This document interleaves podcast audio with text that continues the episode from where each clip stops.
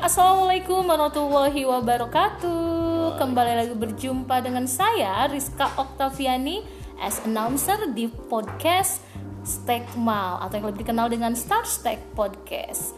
Baik, uh, hari ini kita akan sedikit mengupas berbeda dari seperti biasanya uh, tentang lebih ke religi mungkin tepatnya ya. Dan saya akan uh, membahas tentang akhlak mulia dan budi pekerti dan sudah jelas ada narasumber atau pendamping saya yang akan membantu menjelaskan tentang akhlak mulia dan budi pekerti. Kenalan dulu yuk. Ini ada di sebelah saya ada Bapak Dik Dik Taufik. Beliau adalah uh, guru pendidikan agama Islam di SMK Ar-Rahma. Selamat siang Bapak. Siang Bu, siang. Selamat pagi, selamat siang, Oh, selamat boleh. malam Bapak. Boleh, selamat pagi, campur siang, campur sore Oh, Bu. iya betul. Oke. Apa kabar Pak? Alhamdulillah baik. Baik ya. Bapak ah, sudah tahu kan kita materinya tentang Betul. akhlak mulia dan budi pekerti. Iya. Eh, berbicara tentang eh, akhlak, eh, Iya. mungkin kita kupas eh, satu-satu ya Pak tentang akhlak mulia dan juga budi pekerti. Boleh. Kalau kita bahas tentang eh, akhlak, mungkin yang sering familiar di telinga kita Betul, adalah betul, akhlakul karimah. Betul, betul. Nah, mungkin Bapak bisa menjelaskan eh, apa sih akhlak itu? Betul. Silakan. Terima kasih eh, Iya. Bu Rizka dan Sama-sama, juga silakan. Pak Dera ya. Iya. Ah, yang dimaksud dengan eh, apa bahasan kita hari ini yang akan dikupas tentang akhlak mulia dan bukti pekerti itu tidak lebih daripada apa yang sudah dilakukan oleh kita sehari-hari. Mhm. Akhlak mulia dan budi pekerti lebih ditanamkan. Tadi yang ditanyakan akhlakul karimah. Iya, betul. Itu sebetulnya akhlakul karimah itu sama dengan budi pekerti. Oh, iya. itu bahasa iya, Indonesia iya. budi pekerti. Iya. Akhlak yang baik karimah itu dari karim. Iya. Kemudian yang eh, perlu juga dijelaskan di sini, akhlak itu sebetulnya pekerjaan yang spontan kalau secara Hmm. harfiah yang dilakukan oleh seorang manusia ketika Iya. melihat sesuatu, Iya. dia melakukan hal yang tidak diduga-duga dia melakukan itu Iya. akhlak akhlak yang baik. Iya. Contohlah banyak mungkin menolong orang Hmm, dengan spontan tanpa dis- tanpa disuruh itu sudah Iya. merupakan sebuah akhlak. Kemudian eh, hal hal-hal yang lain definisi daripada akhlak ini adalah perilaku yang dilakukan oleh seorang manusia yang bermanfaat buat dirinya dan juga orang lain. Hmm. Iya. Itu akhlak eh, akhlakul karimah tadi ya. Kemudian eh, Briska perlu saya juga sampaikan Mm-hmm. ini kaitannya dengan akhlakul karimah atau AMBP yang dilakukan Iya. yang dilaksanakan di Sekolah, ya? sekolah ini di SMK Rahma ini ya alhamdulillah lah itu dari mulai pembiasaan setiap pagi barangkali ketika masuk kita baca doa ke kelas itu di kelas itu suasana mau belajar baca Mm-hmm. doa itu sudah menjadi kebiasaan kemudian ketika memasuki jam 9 atau jam 10 itu ada jeda waktu kita melakukan pembiasaan yang luar biasa juga yaitu sholat duha Iya. sholat sunat duha itu pembiasaan itu termasuk akhlak itu termasuk akhlak Iya. yang baik gitu. Itu bisa menjadi salah satu pengembangan karakter juga. Betul. Jadi Eh, pembiasaan. dilandasi, iya dari Dari- akhlak itu betul. disebutnya pembiasaan. Ah. kemudian di samping sholat sunat duha tadi juga sholat fardu alhamdulillah di SMK Rahmah ini dengan pembiasaan Mhm. yang di apa yang di eh, laksanakan atau ditugaskan oleh kepala sekolah supaya menjadi pembiasaan yang baik dan relevan dengan pendidikan Mhm, agama Islam itu sholat fardu yang yang tidak kalah pentingnya nih Mhm. sholat fardu yaitu anak-anak SMK Rahmah alhamdulillah eh, itu duhur dan asar terselamatkan mereka untuk melakukan sholat Iya, fardu iya. dan ini mudah-mudahan tidak hanya sholat duhur dan asar saja Hmm, barangkali bisa mereka nanti eh, maghrib, isya dan subuh mereka lakukan di rumah itu menjadi. Betul. pembiasaan yang baik. Kemudian eh, akhlakul akhlak mulia dan budi pekerti yang lain yang barangkali sudah dilaksanakan yang saya rasakan sebagai guru agama Iya. Islam di sini yaitu salah satunya yang mungkin Bu Rizka masih ingat amar fakah dulu ya Bu ya Betul, Pak. itu amar fakah ah, ah, rahmah gemar berinfak dan bersodakoh itu salah satu bentuk kegiatan sosial Mhm.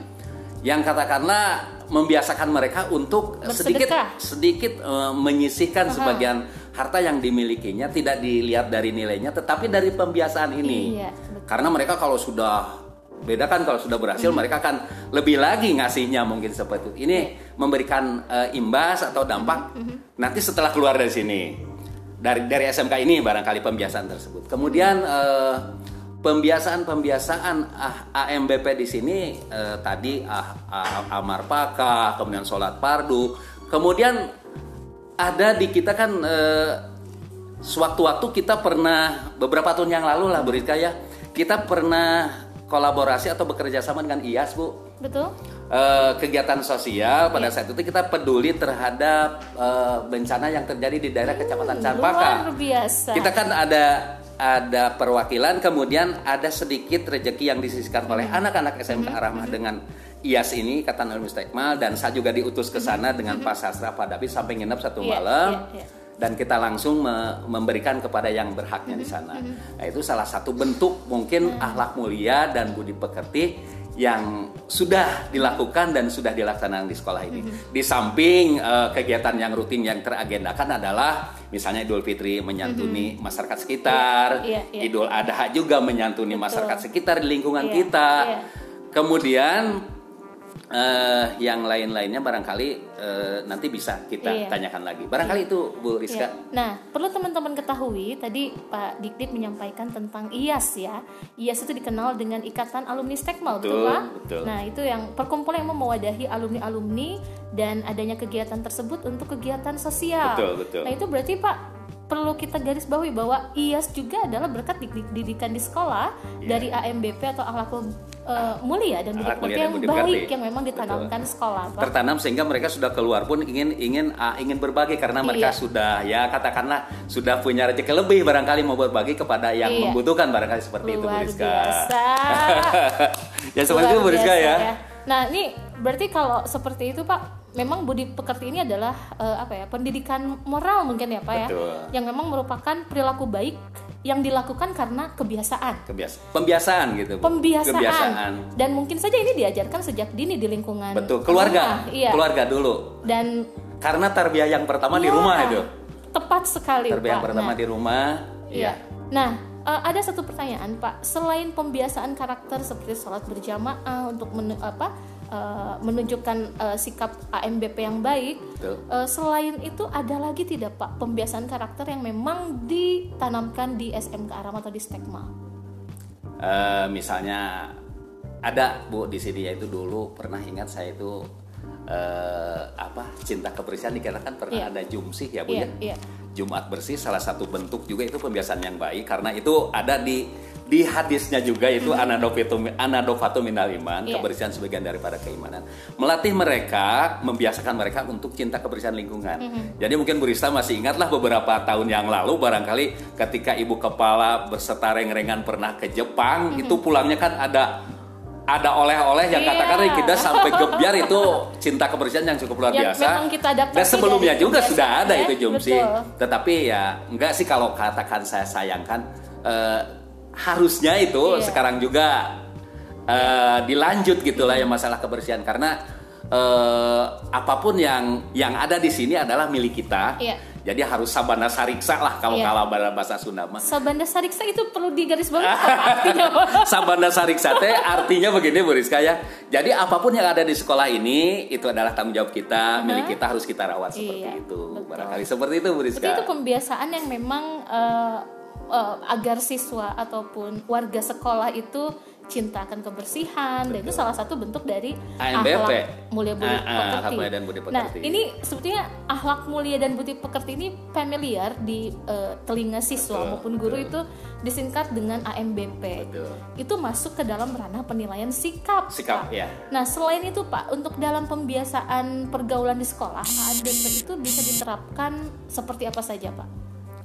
Eh, di kelas mungkin ya. Iya. Kalau di kelas ya eh, akhlak mulia dan budi pekerti barangkali peduli terhadap sesama teman. Katakanlah misalnya eh, membantu orang yang kesulitan barangkali. Iya. Kemudian eh, dibiasakan jangan jangan sekali-kali kita istilahnya Mhm. dalam katakanlah tanda kutip ya misalnya kalau ulangan ataupun ujian itu membiasakan bekerja sendiri. Iya. Ya, itu salah satunya. Kemudian hal-hal yang lain yang barangkali yang perlu juga disampaikan pada kesempatan ini tentang masalah akhlak mulia dan budi pekerti itu eh, di awal tadi saya selalu menanamkan ke anak itu selalu hormat kepada guru, sesama teman. kemudian juga peduli terhadap Iya. sesama teman, eh, apa? Karena kita ini eh, datang ke SMK Rahma ini, mereka ini kan eh, berbeda eh, kultur, Iya. Berbeda adat dan kebiasaan yang barangkali udah jadi keluarga besar SMK Rahma, Mhm. otomatis mereka harus mengikuti aturan yang ada di SMK Rahma Iya, ini. betul. Apa pun alasannya tidak boleh kita banyak berdalih di sini. iya. Keinginan lembaga di sini misalnya harus seperti ini A B C D ya harus kita ikuti. Iya.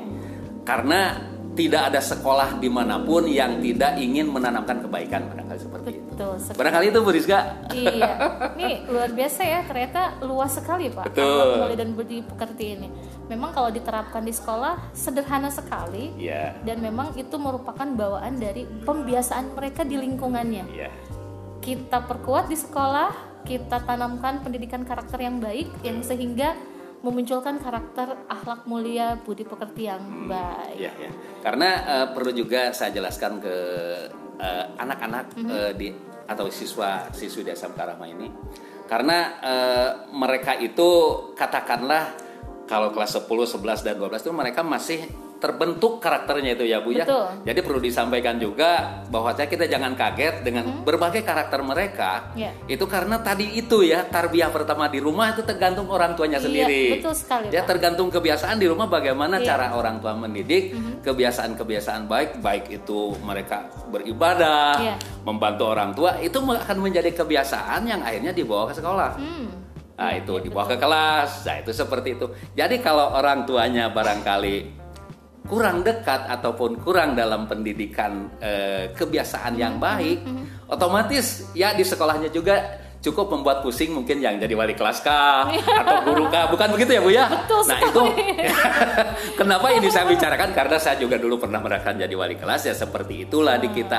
Tetapi eh, kita sebagai seorang guru perlu bijaksana juga Betul. dalam memberikan nasihat Hmm. memberikan eh, apa eh, tindakan kepada mereka. Karena sanksi apa pun harus sanksinya yang edukatif Hmm, yang mendidik yang akhirnya mereka jadi paham yang diinginkan sekolah ini seperti Iya. ini terus kalian ini akan jadi apa ini tergantung hari ini kan Iya.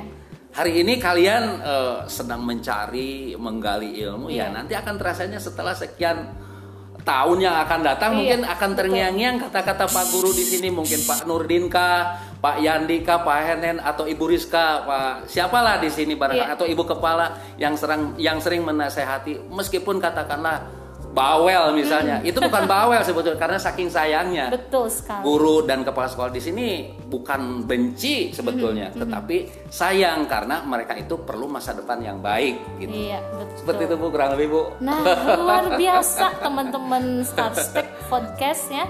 Tadi penjabaran yang cukup jelas sekali apa yang disampaikan oleh Bapak Dik Dik selaku narasumber untuk materi akhlak mulia dan budi pekerti.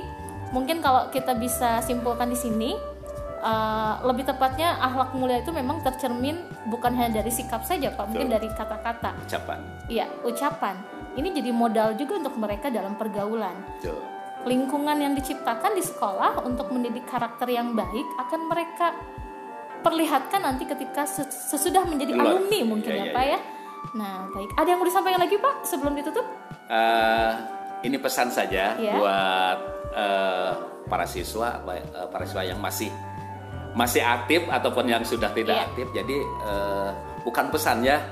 Eh, ada yang ingin Bapak sampaikan. Jadi ke kepada kalian semua ini barangkali mudah-mudahan apa yang sudah kalian dapatkan ilmu yang ada di SMK Rahmah baik itu ilmu yang berkaitan dengan masalah keteknikan, masalah apa saja, mudah-mudahan bisa kalian manfaatkan dengan baik kemudian eh, akan menjadi bekal kalian eh, di suatu saat nanti Iya. dan akan kalian rasakan nanti setelah kalian bekerja, kalian berkeluarga itu akan dirasakan oleh kalian sendiri apa yang disampaikan oleh guru-guru kalian, oleh siapa saja yang ada di sekolah ini karena ada tenaga pendidik dan kependidikan Iya. itu semuanya bermanfaat dan sedikit banyak pun pasti akan ada manfaatnya buat kalian semua. Barangkali itu saja, Bu. Iya, Luar biasa. Ujangannya ini sangat menyentuh ya. Itu pesan mungkin ya Pak ya. Ya. Ujangan untuk nanti siswa-siswi SMK Rahma kelak kita doakan selalu untuk menjadi orang sukses ya Pak Betul, ya. betul. Dan perlu teman-teman ingat juga bahwa uh, lulusan SMK Arahma itu memang lulusan yang kompeten dan memang berakhlak mulia dan berbudi pekerti yang baik ya. Iya. Baik kita tutup saja Bapak Iya. Perbincangan yang hangat ini dan mungkin nanti ke depannya kita masih ada obrolan-obrolan receh lagi mungkin ya? Obrolan santai ya. santai ya receh tapi bisa jadi ribuan karena memang uh, isinya Dan baik. sekali lagi Bu, mohon Boleh, maaf silakan. aja apa yang saya sampaikan barangkali tidak apa tidak pas ataupun tidak tidak pada literatur yang, yang pas. Barangkali mohon maaf saja eh, karena keterbatasan eh, apa wawasan yang saya miliki barangkali itu saja. Luar biasa, Bapak kan ini mantan penyiar radio juga ya. Setidaknya literaturnya sudah baik. Baik teman-teman, kita tutup saja perbincangan hangat pada eh, hari ini. Mudah-mudahan nanti kita bisa bertemu lagi dengan saya, Rizka Oktaviani dan rekan saya nanti Bapak Taufik Sofalas di StarTech podcast berikutnya. Sampai bertemu di lain kesempatan. Dah. Dah. Terima kasih. Wassalamualaikum warahmatullahi wabarakatuh. Assalamualaikum warahmatullahi wabarakatuh.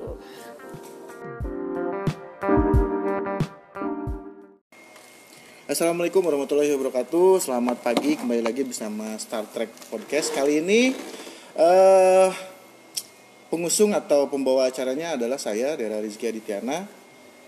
Dan di sini adalah kita akan ngobrol masalah ringan-ringan saja lah ya. Maksudnya jangan yang berat-berat karena hidup kita semua sudah berat. Narasumber di sini sekian banyak eh, ada banyak sekali narasumber yang expert sekali dan eh, dalam hal ini senior-senior saya. Di sini ada Pak David. Selamat pagi Pak David. Pagi, Assalamualaikum warahmatullahi wabarakatuh. Waalaikumsalam. Ada juga Pak Dik Dik. Selamat pagi Pak Dik Dik. Pagi, pagi. Ada juga Pak Suhendar ST. Ini nih yang expert di CNC ya. Sehat Pak? Sehat alhamdulillah. Ada itu dari dari kubu senior nih ya kan. Ini ada lagi kubu junior atau generasi Z sama seperti saya. Ada Bapak Firman. Selamat pagi Pak Firman. Pagi, pagi, Dia eh, mantan atlet di BK Porda, atlet cabur drum band dan ada juga Pak Winiko. Selamat pagi Pak Winiko. Selamat pagi. Pak Winiko ini adalah guru PJOK di SMKS Arahmah Stekma Cianjur dan kita akan ngobrol ringan masalah tentang minat dan bakat anak muda zaman sekarang tentang seni budaya daerahnya sendiri. Tidak ada sangkut pa- pautnya dengan yang viral hari ini ya. Yang viral eh, kali ini tidak ada. Oke, Bapak-bapak. Kita ngobrol. Ya. Siapa saja yang yang mau ngasih materi boleh atau ngasih masukannya tentang budaya di daerah kita khususnya di Cianjur nih. Seberapa besarkah minat anak muda zaman sekarang untuk melestarikan budaya yang ada di daerahnya? Silakan siapa dulu nih? Dari kubu senior dulu ya. Oke, teman-teman dengerin. Silakan Pak Dik Dik. Ya, Assalamualaikum warahmatullahi wabarakatuh. Waalaikumsalam. Waalaikumsalam warahmatullahi wabarakatuh. Terima kasih eh, Pak eh, Pak Dera, kemudian rekan-rekan kaitannya dengan eh, topik yang kita bahas hari ini tentang minat generasi muda terhadap seni ataupun terhadap budaya yang ada di daerahnya sendiri. Ya, itu kembali lagi kepada kita sebagai orang tua, terutama orang tua yang di Jawa Barat atau yang di Cianjur kita. Jadi Cianjur ini terkenal dengan eh, tiga slogan atau jargon yang disebut maos, ngawas, dan main po. Iya, Ya, itu di antaranya itu yang yang sangat terkenal sekali di Jawa Barat. Itu pilar ya Pak, pilar pilar, pilar, budaya, Iya, Cianjur, betul. ngawas, mamaos, dan main po. Kenapa itu sampai detik ini sampai hari ini hanya slogan saja, hanya jargon Iya. saja, dan hanya beberapa eh, komunitas atau perkumpulan yang meminati hal Betul, itu, betul, betul, ya. betul. Tetapi alhamdulillah menurut informasi nih eh, kawan-kawan, jadi eh, ngawas, mamaos, dan main po ini sebetulnya sudah sampai ke generasi muda Iya. ya sudah pastinya. sampai ke mereka apa itu ngawas ngawas itu karena kita dari dulu juga terkenal julukannya itu Cianjur sebagai kota santri ya jadi ngawas ini ngaji ya Betul. ngaji baca Quran itu kalau orang Cianjur dengan tiga pilar budayanya ini minimal ada tiga eh, maksimalnya tiga minimal orang Cianjur kalau tidak bisa ngawas tidak bisa disebut orang, Orang Cianjur. Cianjur ya, iya. Betul itu. Iya, iya, Ka- iya. Misalnya tidak bisa ngawas, ya harus bisa mamawas. Mamawas itu ngawih, Nembang ya. nembang, misalnya Cianjuran atau pupuh ya itu di antaranya harus harus harus bisa minimal apalagi generasi muda. Kalau generasi seperti saya mungkin yang umurnya sudah setengah abad lah barangkali kalau pupuh asmarandana kinanti atau dangdang gula itu ya masih bisa lah. Iya. Saya belajar itu di SMP, Pak. Ya, ya, ya, Pupu-pupu ya, ya.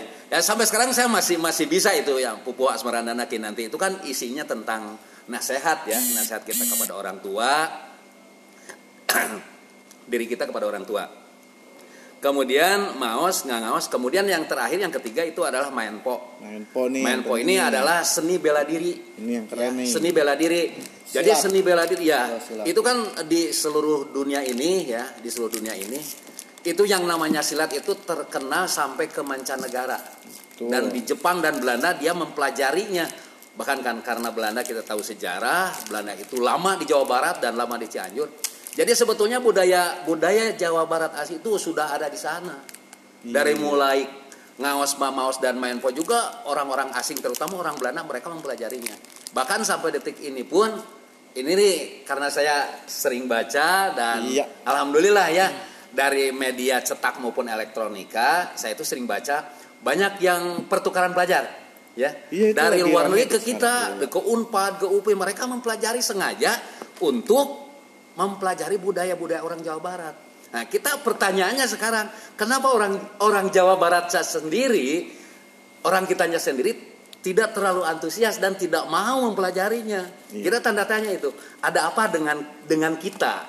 Ayah naon jeung orang Sunda gitu. Sampai mereka itu generasi mudanya animonya kurang terhadap seni ini, terhadap budaya ini.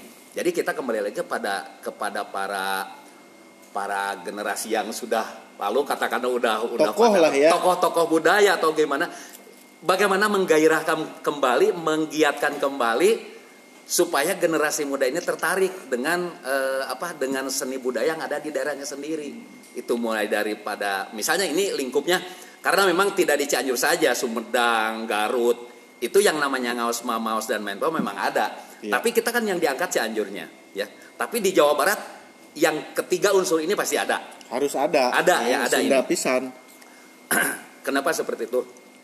Harus kita karena yang akan menghargai eh, budaya Sundanya itu sendiri yang akan ngamumule ya, ngamumule teh melestarikan orang Sunda sendiri.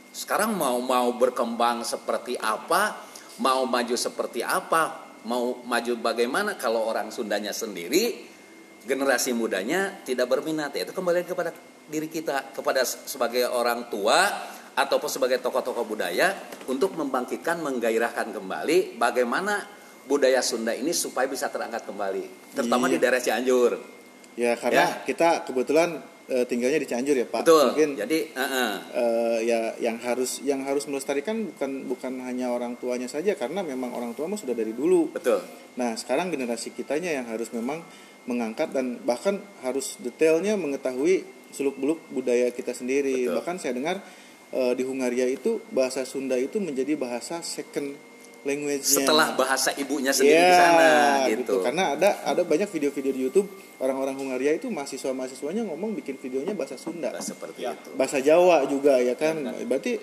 eh, budaya di kita itu emang sudah mendunia. Bahkan saya pernah dites di Star Cruise itu bahasa keduanya bahasa Sunda. Hmm. Itu setelah Inggris ya kan.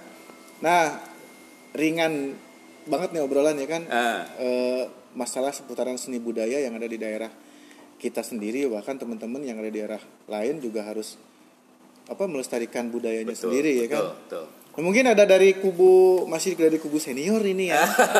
iya, masih karena sebelum yang muda pasti ada yang senior dulu dong. Ya. Ya saya cukup saja dulu segitu barangkali dari kawan-kawan saya. atau Pak David ini Pak nih. David, silakan menambahkan. kita nih. Silakan Pak Hendra. eh, Pak Dik, saya menyambung dari pembicaraan Pak Dik tadi. Betul, oke. Eh, sekarang ini malah perantau yang membawa Bahasa Sunda ya? bahasa Sunda. Hmm. Dulu waktu saya kerja di Kalimantan, itu kita ada perkumpulan lembur kuring. Iya, lembur kuring ada di Ya, Kalimantan itu. Di Samarinda, Balikpapan. Bahkan mereka ini sini ketika kumpul gitu, sehingga menghadirkan dulu pernah Pak Haji Dayat Gang Mawar dulu sudah meninggal dia. Ah. Jadi pertambangan ngambil dari Cianjur, Cianjuran di sana. Tuh. Nah, jadi Saking cintanya Pak Saking Hendra ya. cintanya, Betul, jadi betul. kebanyakan sekarang perantauan. Betul, Bahkan ketika saya juga dulu satu bulan di Malaysia juga demikian. banyak eh, apa namanya generasi muda yang menghidupkan tembang Sunda ini sampai dibawa ke perantauan gitu. Ini fenomena apa gitu ya? Sementara kita di sini sendiri jarang kelihatan gitu. Tidak tidak kelihatan, tidak nampak ya. Tidak nampak gitu. Buat teman-teman yang dengar di Spotify atau di Anchor-nya, ingat ya, saya ingatkan kembali, ini tidak ada hubungannya yang sedang viral kali ini ya. Ini hanya bahasan yang memang eh, kita ingin bahas dan kita ingin angkat tentang seni budaya yang generasi muda sekarang itu eh, agak agak sulit gitu untuk untuk menemukan yang memang harus melestarikan seni budaya. Pak David, ada tambahan? Ya tambahan dari saya sendiri nih sebagai orang Cianjur, sebagai orang Sunda khususnya ya untuk generasi-generasi muda yang sekarang yang bukan berarti yang sekarang milenial tapi harus ingat dengan kebudayaan asli kita sebagai orang Sunda. Nah. Ya ngamumule eh yang di antaranya di Mamaos, Ngaos dan Main pop. main pop ya. Iya, nah di sini sudah ada generasi-generasi yang dari dulu pada saat pendidikan dasar ya Ya. juga ada ya kita belajar bahasa Sunda cuman yang tadi itu jamnya itu tuh jam pelajarannya kurang Iya. ya, Durasi kurang waktunya apa durasi. David ya?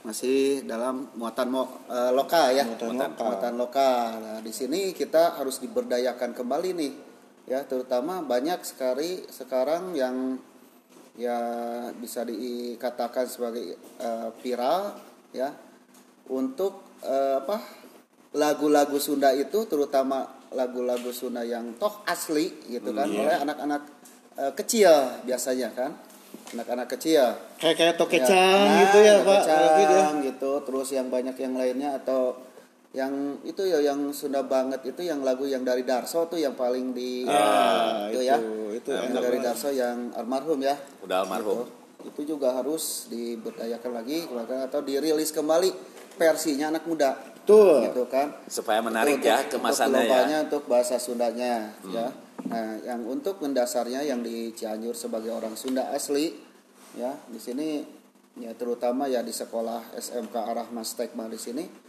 sudah ada perkembangannya juga gitu kan tinggal ditingkatkan lagi Pak Tuh. gitu kan tinggal ditingkatkan Siap, lagi siap, siap, siap. itu menurut kami ya terima kasih atas uh, waktunya Oke, nih teman-teman yang barusan dengar itu dari kubu senior atau dari tokoh-tokoh yang memang sudah lebih lama dari kami yang yang yang sudah memulai eh, atau melestarikan budaya seni apa seni ngaos mamaos main po di Cianjur. Dan perlu teman-teman ketahui nih eh, ngaos mamaos main po itu adalah menjadi pilar budaya yang sangat kental yang Dimiliki. di- dimiliki oleh Kabupaten Cianjur. Betul, betul. Memang betul kata Pak Dik tadi. Di kabupaten yang lain, di seni Sunda itu pasti ada ngaos, ngaos mamaos, dan main pop. Tapi di Cianjur kayaknya lebih menjadi pilar yang memang harus utama. Betul. Encan orang Cianjur Can lamun teu kasebut bisa. orang Cianjur, Nah, gitu, lamun teu bisa main pop. Lamun teu bisa ngaos, lamun teu bisa mamaos. Nah, Tanya-tanya. Nah, sekarang kita dengerin dari kubu senior eh junior. Dari kubu eh, generasi Z ya. Di sini ada Pak Winiko Septiandi, salah satu guru terfavorit di SMK Rahmah Cianjur. Eh, guru PJOK ya, Pak Winiko. Gimana nih menurut Pak Winiko tentang seni budaya yang ada di Kabupaten Cianjur dan anak muda segiat apa mereka melestarikannya? Oke, eh, mungkin dari saya pribadi, sebenarnya saya tuh asli bukan orang Cianjur ya, Hmm, tapi saya mengikuti eh, budaya-budaya Cianjur. Saya saya asli dari lahir di Tasik. ada Cuman suka nih. Enggak suka teman kecil kecil itu saya di Aceh. Dari kecil saya di Aceh, di Aceh dari umur pendidikan dasar juga di sana SD. SD SD di Aceh Betul. sampai naik SMP baru pindah ke Jawa Tasik. Barat. Ke Jawa Barat lagi. Ya, Tasik. ke Tasik lagi Oh, balik iya, lagi iya. ke Tasik. Betul, betul. Udah dari Tasik baru masuk Cianjur. SM, SMP kelas 3 pindah ke Cianjur. Ya. Sampai lulus di kuliah Di masuk Cianjur ke ya? Cianjur ya.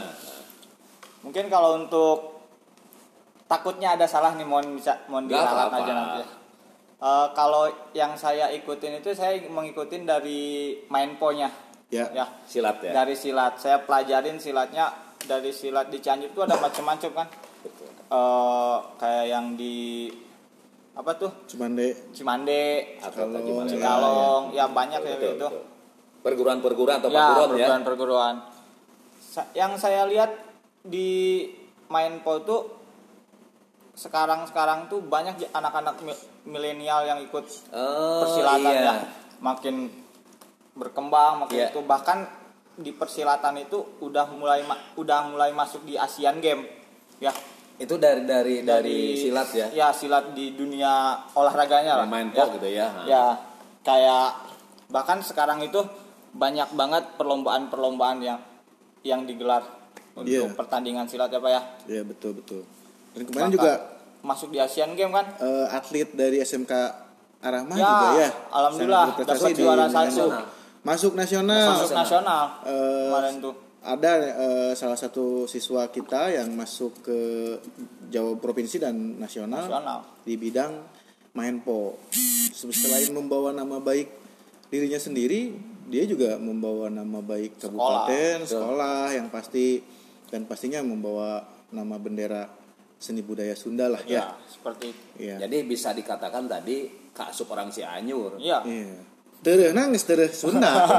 bisa silat. Iya. bisa Orang Cianjur. masalah silat ayo Nah, gitu. Silakan. Iya. seperti itu mungkin eh, untuk ke depannya biar eh, Mindpo itu terus apa ya Lestari, lestari, ya. ya. lestari Heeh. mengajak anak-anak milenial itu ayo orang babarengan Iya. betul. Budaya. budaya, Cianjur. Cianjur, ap- apalagi Jawa Barat ya, Ah. bareng-bareng kayak gitu. Iya. Apalagi ke- kalau di dunia pendidikan itu untuk mencapai prestasi itu masih jauh Masih lah, sangat tinggi harus berjuang sangat- lah ya. Iya, Iya seperti itu. Kalau ini. Mungkin kalau dari saya nggak akan panjang lebar aja ya, takutnya salah juga. Tidak apa-apa karena kita eh, ngobrol ya, maksudnya Ngobrol eh, sharing, ya. sharing, eh, sharing karena eh, memang kita tuh tokoh-tokoh eh, bukan tokoh atau ya kita pem- penggiat ya, Penggiat. penggiat, Pemerhati gitu. dan penggiat eh, seni budaya yang ada di daerah kita sendiri. Sebelum kita memajukan daerah orang lain, kita harus memajukan daerah kita sendiri. betul. ini satu lagi nih yang paling muda nih di, di, di sini Nah. gitu ya. Ada Pak Firman ini adalah eh, seorang atlet cabang olahraga drum band termasuk seni juga dan saya akan minta pendapat beliau kumaha cing lah ya teh maksudnya baru dak ngora di urang teh jika kumaha ayeuna kulturna tentang melestarikan buda, budaya eh, Cianjur lah gitu ya. Silakan Bapak Firman. Assalamualaikum warahmatullahi wabarakatuh. Waalaikumsalam. warahmatullahi wabarakatuh Tuh. Hmm, sebelumnya eh, mau ngebahas tentang ini dulu ya, tentang ngaos. Oh boleh boleh boleh Ya. boleh boleh. Di kita tuh kan terkenalnya kota santri tuh. Tuh. Nah, dari dulu tuh kota santri. Kenapa sekarang-sekarang kota santri itu Sudah mulai sudah mulai berubah? Mm-mm. Apakah karena anak mudanya yang Untuk nyantri gitu. itu nyantri gitu ya masalahnya eh lihat lihat dari dari daerah di Kabupaten Cianjur khususnya gitu. Kelihatannya tuh anak mudanya tuh jarang. Jarang eh mau bukan melestarikan apa ya? Apa ya? minat untuk minat untuk, menjadi seorang mempelajari santri untuk mempelajari agama kurang mempelajari gitu. agama kurang. Nyantret, apakah nyantret, karena ya. itu karena lingkungan kita se- sekitar apakah emang Masuknya budaya barat. budaya barat atau kesadaran dirinya kita kurang Betul. Ya betul. atau gimana gitu. Nah, jadi mirisnya eh di kita tuh awalnya kota santri jadi berubah budaya itu. Jadi budaya barat. Jadi kota gangster lain. Enggak. itu sih salah kayak gitu. Iya. Eh, lanjut lanjut. Hmm. Terus eh yang saya eh, bukan khawatirkan banyak bukan anak-anak muda lagi anak-anak yang umuran-umuran 7 tahun, 8 tahun Itu nggak bisa ngaji ya? ya jadi eh, eh, ke gadget Oh Sekarang, iya ya. sekarang ya. Lebih lebih jadi eh, mungkin lebih penegasan aja sih anak anak dari mulai usia dini sampai usia remaja itu sekarang sudah eh, gila gadget kali ya. Ya. Jadi apa-apa harus HP, apa-apa harus HP gitu kan. Tidak tidak melarang untuk main game boleh, tidak melarang untuk tiktokan. Oh boleh. boleh. Boleh. Cuman kur- kurangin gitu. Iya. Apa eh pokoknya kasar teh seimbangin lah. Ngeseimbangin Ya, nyaah gitu. Nyaah eh, kas- eh, kasihan dengan kuota. Bukan kuota. Generasi generasi generasi muda kita. Harusnya Iya. kita berkembang dengan ngaos mamaos main po itu. Ti- tidak harus umuran umuran segitu tuh game Iya. eh, main-main apalah yang nggak bermanfaat gitu Ya sebenarnya kan eh, di HP juga kita bisa memanfaatkan ada Al-Quran elektronik ya sebenarnya.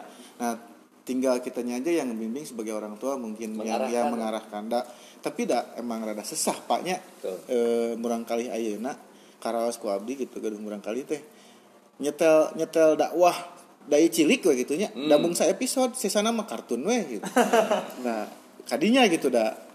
Mungkin betul kata Pak Firman tadi sekarang udah gila gadget yang yang bukan abri masuk desa saja sekarang Pak. Bahkan HP Android masuk desa, Desa, sekarang. Betul, Pak Firman ya? Jadi tadi kampung tadi kota ayeuna mah makena HP jeung an- nya eh, sistem Android yang bukan tidak boleh melek elektronik Ya. mungkin ya jadi kan sekarang kebanyakan di Instagram di TikTok banyak juga yang ya yang ceramah ceramah ceramah-ceramah gitu. cuman eh, yang saya perhatikan ketika anak kecil atau anak muda ketika Hmm. ada yang ceramah-ceramah gitu scroll. Ketika ada yang di skipnya. Yang di skip skip buru-buru. Kurang menarik gitu ya. Ada yang gila-gilaan baru diliatin gitu. Nah misalnya gitulah. Karena teh nggak menghargai batu eta teh gitu tuh mantak iya nanti eh, oyang tauhid teh. Jadi poho kapur wadaksi jadi antara ngawas jeng jeng budaya teh patujai hari gitu banyak jadi patukang-tukang. Jadi Harus nya ya. Berseberangan. berseberangan intinya mah saya ini Pak dulu Iya. ada pengalamannya. Betul betul betul. Silakan Pak Endar. Saya kan dari kecil sekolah sampai SMP di Pelabuhan Batu betul. Ya daerah sana. Dan saya lahir di sana.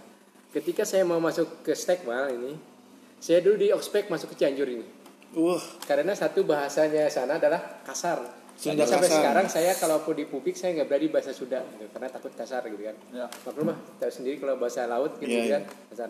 Ketika saya datang dulu saya ada ketemu sama orang Cianjur kemudian dia tugasnya PNS di sana. Hmm. jadi dititipkan sama ibu saya tolong Bang bimbingkeun. Bang bimbingkan ke mah masuk ke Cianjur sana gitu. Karena Cianjur ini ter- terkenal kota santri dulu kan. Ya. Terkenal dengan bahasa terhalus se. Jawa Barat katanya gitu ya. iya bahkan se Iya. se Indonesia Sunda paling lemes teh di, di Cianjur. Kalau kalau Jawa mah mungkin Solo Nah, pertama kali saya dibimbing oleh beliau namanya itu Pak Dadang namanya itu orang sayang gitu kan. Waktu itu saya langsung pas di beliau di sayang gitu yang pesantren. Pertama kali saya adalah lewat lewat orang. Ya. Kalau lewat orang sedang ada orang sedang duduk kita lewat Hmm. gitu. Kalau di Cie- kalau di kita di Sukabumi biasa saja. Tekudu kumaha-kumaha Kumaha. sikap kita itu ya. Maka ketika itu saya di sini harus apa namanya? Ya. rengkuh lah ya rengkuh kalau bahasa Sunda badan Iya. sampai tangan begini gitu. Itu pertama ingat saya harus di ospek dulu masuk Cianjur. Yang kedua lagi adalah berkata punten ka- kapan pun punten iya punten ngalangkung itu kayak kata-kata harus harus saya hafalkan ketika lewat orang katanya gitu. Iya. Sampai ke warung juga gitu kan menanyakan harga juga. Nah itu pertama pengalaman saya masuk Cianjur dulu gitu Dari segi bahasa gitu ya Pak ya. dari menarik semakin menarik saja ini pembahasan santai kita ya.